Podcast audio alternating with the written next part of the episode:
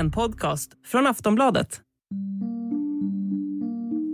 Följderna av krig kan knappast beskrivas som annat än avskyvärda. Och i många fall så blir de som inte alls har något med det hela att göra de som drabbas allra värst. Vi har mötts av fruktansvärda bilder av kriget i Ukraina flera gånger sedan Ryssland invaderade. Men det hela nådde en ny nivå när bilder inifrån den ukrainska staden Butja kom ut. Makabra bilder på dödade människor på gatorna efter att ryska styrkor lämnat. Det här fick ja, en hel värld att reagera och ställa sig frågan vem kommer att bäras ansvarig för de här grymheterna? Det befaras också inte ta slut på de hemska vittnesmålen. Frågan om krigsbrott har redan från början diskuterats och nu är det allt fler som menar att det nu finns bevis på att ryska styrkor har begått brott under kriget. Men vad innebär krigsbrott egentligen? Finns det ens regler i ett krig? Är det som skett i Ukraina till och med folkmord? Kommer någon eller några kunna ställas personligt ansvariga? Ja, kan Putin hamna inför domstol till slut? Du lyssnar på Aftonbladet Daily. Jag heter Amanda Hemberg Lind. Paul Wrange, professor i folkrätt på Stockholms universitet, är gäst. Och han får inleda med att svara på vad krigsbrott egentligen är. Ja, krigsbrott eller krigsförbrytelser som det heter i lagen är svåra överträdelser av eh, den internationella humanitära rätten eller krigets lagar, det vill säga de regler som gäller i krigföring, till exempel Genèvekonventionerna. Men du säger regler. Finns det ens regler? Det är ju ändå ett krig. Ja, det kan verka rätt konstigt. Krig är förbjudet, det vill säga det är förbjudet att starta krig. Så redan själva invasionen i sig var ju en, en väldigt allvarligt brott mot folkrätten, självklart. Men man menar det att det bör finnas regler som reglerar krigföringen för att minska lidandet så mycket som möjligt när ett krig väl har brutit ut.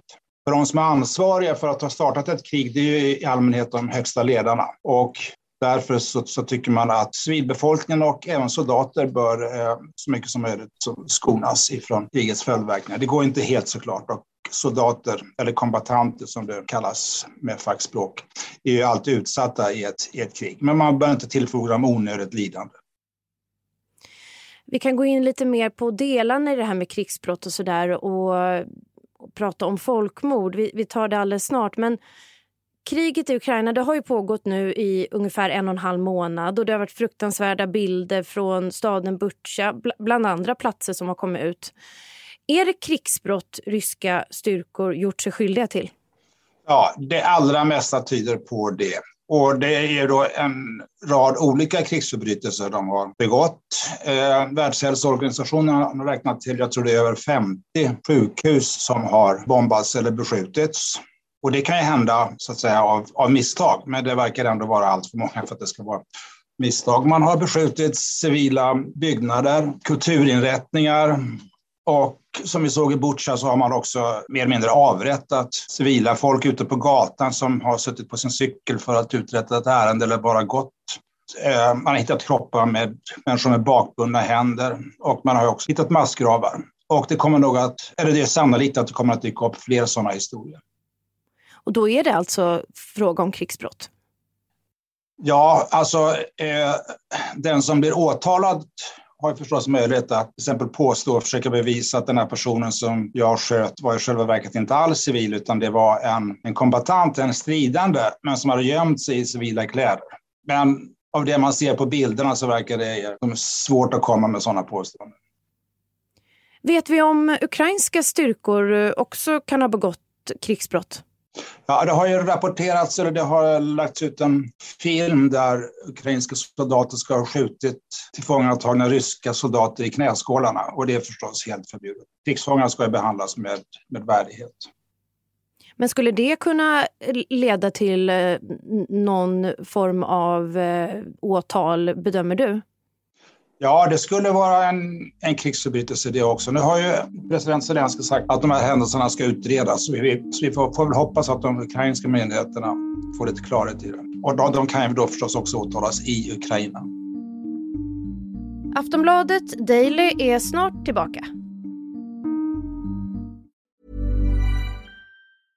Hey, I'm Ryan Reynolds. At Mint Mobile, we like to do the opposite of what Big Wireless does. They charge you a lot, we charge you a little. So naturally, when they announced they'd be raising their prices due to inflation, we decided to deflate our prices due to not hating you.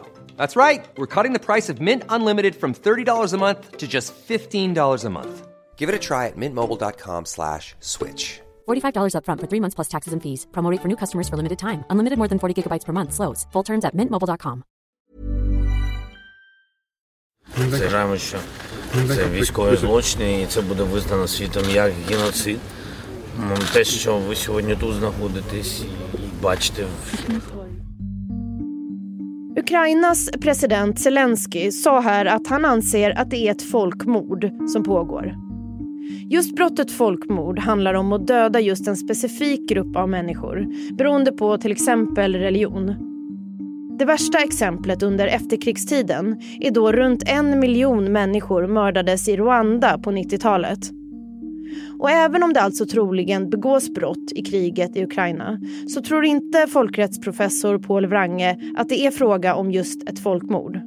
Det tycker jag inte att det finns några starka tecken på. Folkmord är ett väldigt specifikt brott. Då ska det handla om att man eh, dödar eller på andra sätt angriper en viss folkgrupp med uppsåt att förgöra dem. Och det tror jag inte att man kan se i de, det ryska agerandet än så länge. Internationella brottmålsdomstolen i Haag har inlett en utredning. Vad, vad innebär det? Ja, eh, Ukraina har då gett domstolen rätt att undersöka och eventuellt åtala och döma brott som har ägt rum här.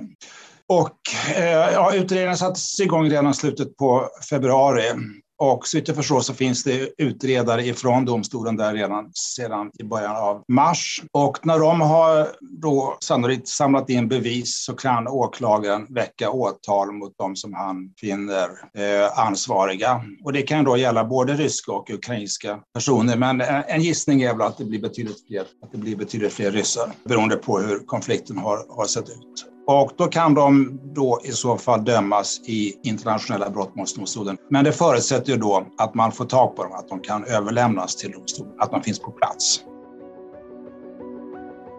Ja, det var det där med att få de här personerna till just brottmålsdomstolen i Haag i Nederländerna. Och det är här skon klämmer kan man säga. Det är inte alla länder som är med på tåget här. Ryssland har sedan innan valt att stå utanför den här domstolen. Det gör även exempelvis USA, Israel och Kina. Det innebär att Ryssland inte är skyldiga att överlämna någon till Haag. Men ponera att någon general eller till och med Putin ändå i alla fall hamnar inför domstolen till slut. Vad kommer krävas för att kunna få någon fälld? Vi ska höra Paul Wrange igen. För det första så måste man då bevisa att det har begåtts brott. Och ansvarig för de här brotten det är då för det första de som har alltså begått de konkreta handlingarna, som har hållit avtrycken och så vidare. Men det är också deras befäl, de som kan ha gett order. Men det är också befäl som borde ha hindrat men inte har gjort det. Det ansvaret kan ju då sträcka sig ganska långt upp i kedjan. Så det är väl knappast troligt att Putin har gett order om de konkreta händelserna i i Butja. Men det är möjligt att Putin har gett order om att man ska föra kriget på ett sådant sätt så att man till exempel beskjuter civila bostadsområden. Och i vart fall så, så borde han ha stoppat det. Så jag tror att det är möjligt, det vet vi inte, det beror på hur, hur bevisläget ser ut. Men det är i vart fall inte omöjligt att göra honom ansvarig för en del av de misstänkta krigsförbrytelserna. Jag kan du utveckla det där med sannolikheten? Hur mycket är det som tyder på att det till slut blir Haagdomstolen för eh, Ryssland och Putin? Det är väldigt svårt att säga. Så länge Putin sitter kvar vid makten så är möjligheterna väldigt små. Eh, det var ju väldigt få eh, utanför den amerikanska underrättelsetjänsten som trodde att Ryssland skulle angripa den 24 februari, så utvecklingen är väldigt svår för att säga. Hur har du själv reagerat under den här tiden sedan invasionen av Ukraina? Alltså, hur har dina tankar om krigsbrott gått utifrån din erfarenhet? Alltså, eh, ska säga, storleken eller omfattningen av krigsbrott är inte på något sätt un unik. Eh, det har begåtts fler krigsförbrytelser i Syrien till exempel under inbördeskriget där, eller i Jemen och andra ställen. Det som gör det så mycket mer påtagligt för oss är ju att det sker i Europa och att det sker efter ett så öppet angreppskrig och att så mycket av världens media är där och att en hel del av kriget dessutom utspelar sig på sociala medier. Det är så tydligt och påtagligt för oss. Men har du eh, sett saker nu på sistone som har fått dig att ändra uppfattning om kanske att det nu är än mer troligt att det blir ett åtal? Eller hur, hur tänker du sett över tid? Man kan väl säga det att ju mer man ser av bilder på beskjutna byggnader och nu på sistone också på, verkar som avrättade människor, så är ju liksom ansamlingen av indicier eller bevis är så stor nu så att jag tror att det är att det i vart fall de befälhavare som har som lett den här operationen, jag tror att för dem blir det svårt att undgå ansvar, om man får tag på dem vill säga. Så ändå, någon kom, alla kommer inte slippa undan ansvar här bedömer du eller? Alltså jag tror att det finns underlag för att åtala en hel del personer. Men nästa fråga är då förstås, kan man få dem inför skranket? Kan man få dem till en domstol? Vad tror du då vi kommer att få se nu framöver? Ja, det kommer sannolikt att komma fram fler uppgifter. Nu har ju ryssarna dragit sig tillbaka från Kiev. Jag vet inte om man liksom kan överblicka läget i alla de orter som var mer eller mindre ockuperade av Ryssland tidigare. Men eh, Ryssland har ju fortfarande kontroll över stora delar av södra och sydöstra Ukraina. Och man kan befara att i en hel del av de ockuperade städerna och byarna så, kom, så har begåtts allvarliga övergrepp. Och vi vet fortfarande inte hur det ser ut i Mariupol som har varit belägrat i över en månad. Så det kanske inte är ändå slut på fruktansvärda bilder? Eller vad tror du? Nej, jag tror inte att det är de sista bilderna, tyvärr. Där hörde du Paul Wrange, professor i folkrätt på Stockholms universitet. Jag heter Amanda Hemberg Lind och det återstår för mig att tacka för att du har lyssnat på Aftonbladet Daily. Vi hörs snart igen.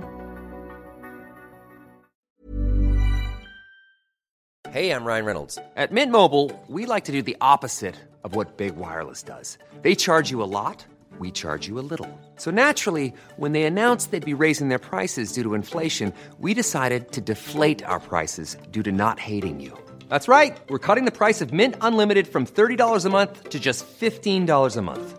Give it a try at mintmobile.com slash switch. $45 upfront for three months plus taxes and fees. Promote for new customers for limited time. Unlimited more than 40 gigabytes per month. Slows. Full terms at mintmobile.com. Du har lyssnat på en podcast från Aftonbladet. Ansvarig utgivare är Lena K Samuelsson. Tired of ads barging into your favorite news podcasts? Good news. Ad-free listening is available on Amazon Music. For all the music plus top podcasts included with your Prime membership. Stay up to date on everything newsworthy by downloading the Amazon Music app for free or go to amazon.com slash news ad free. That's amazon.com slash news ad free to catch up on the latest episodes without the ads.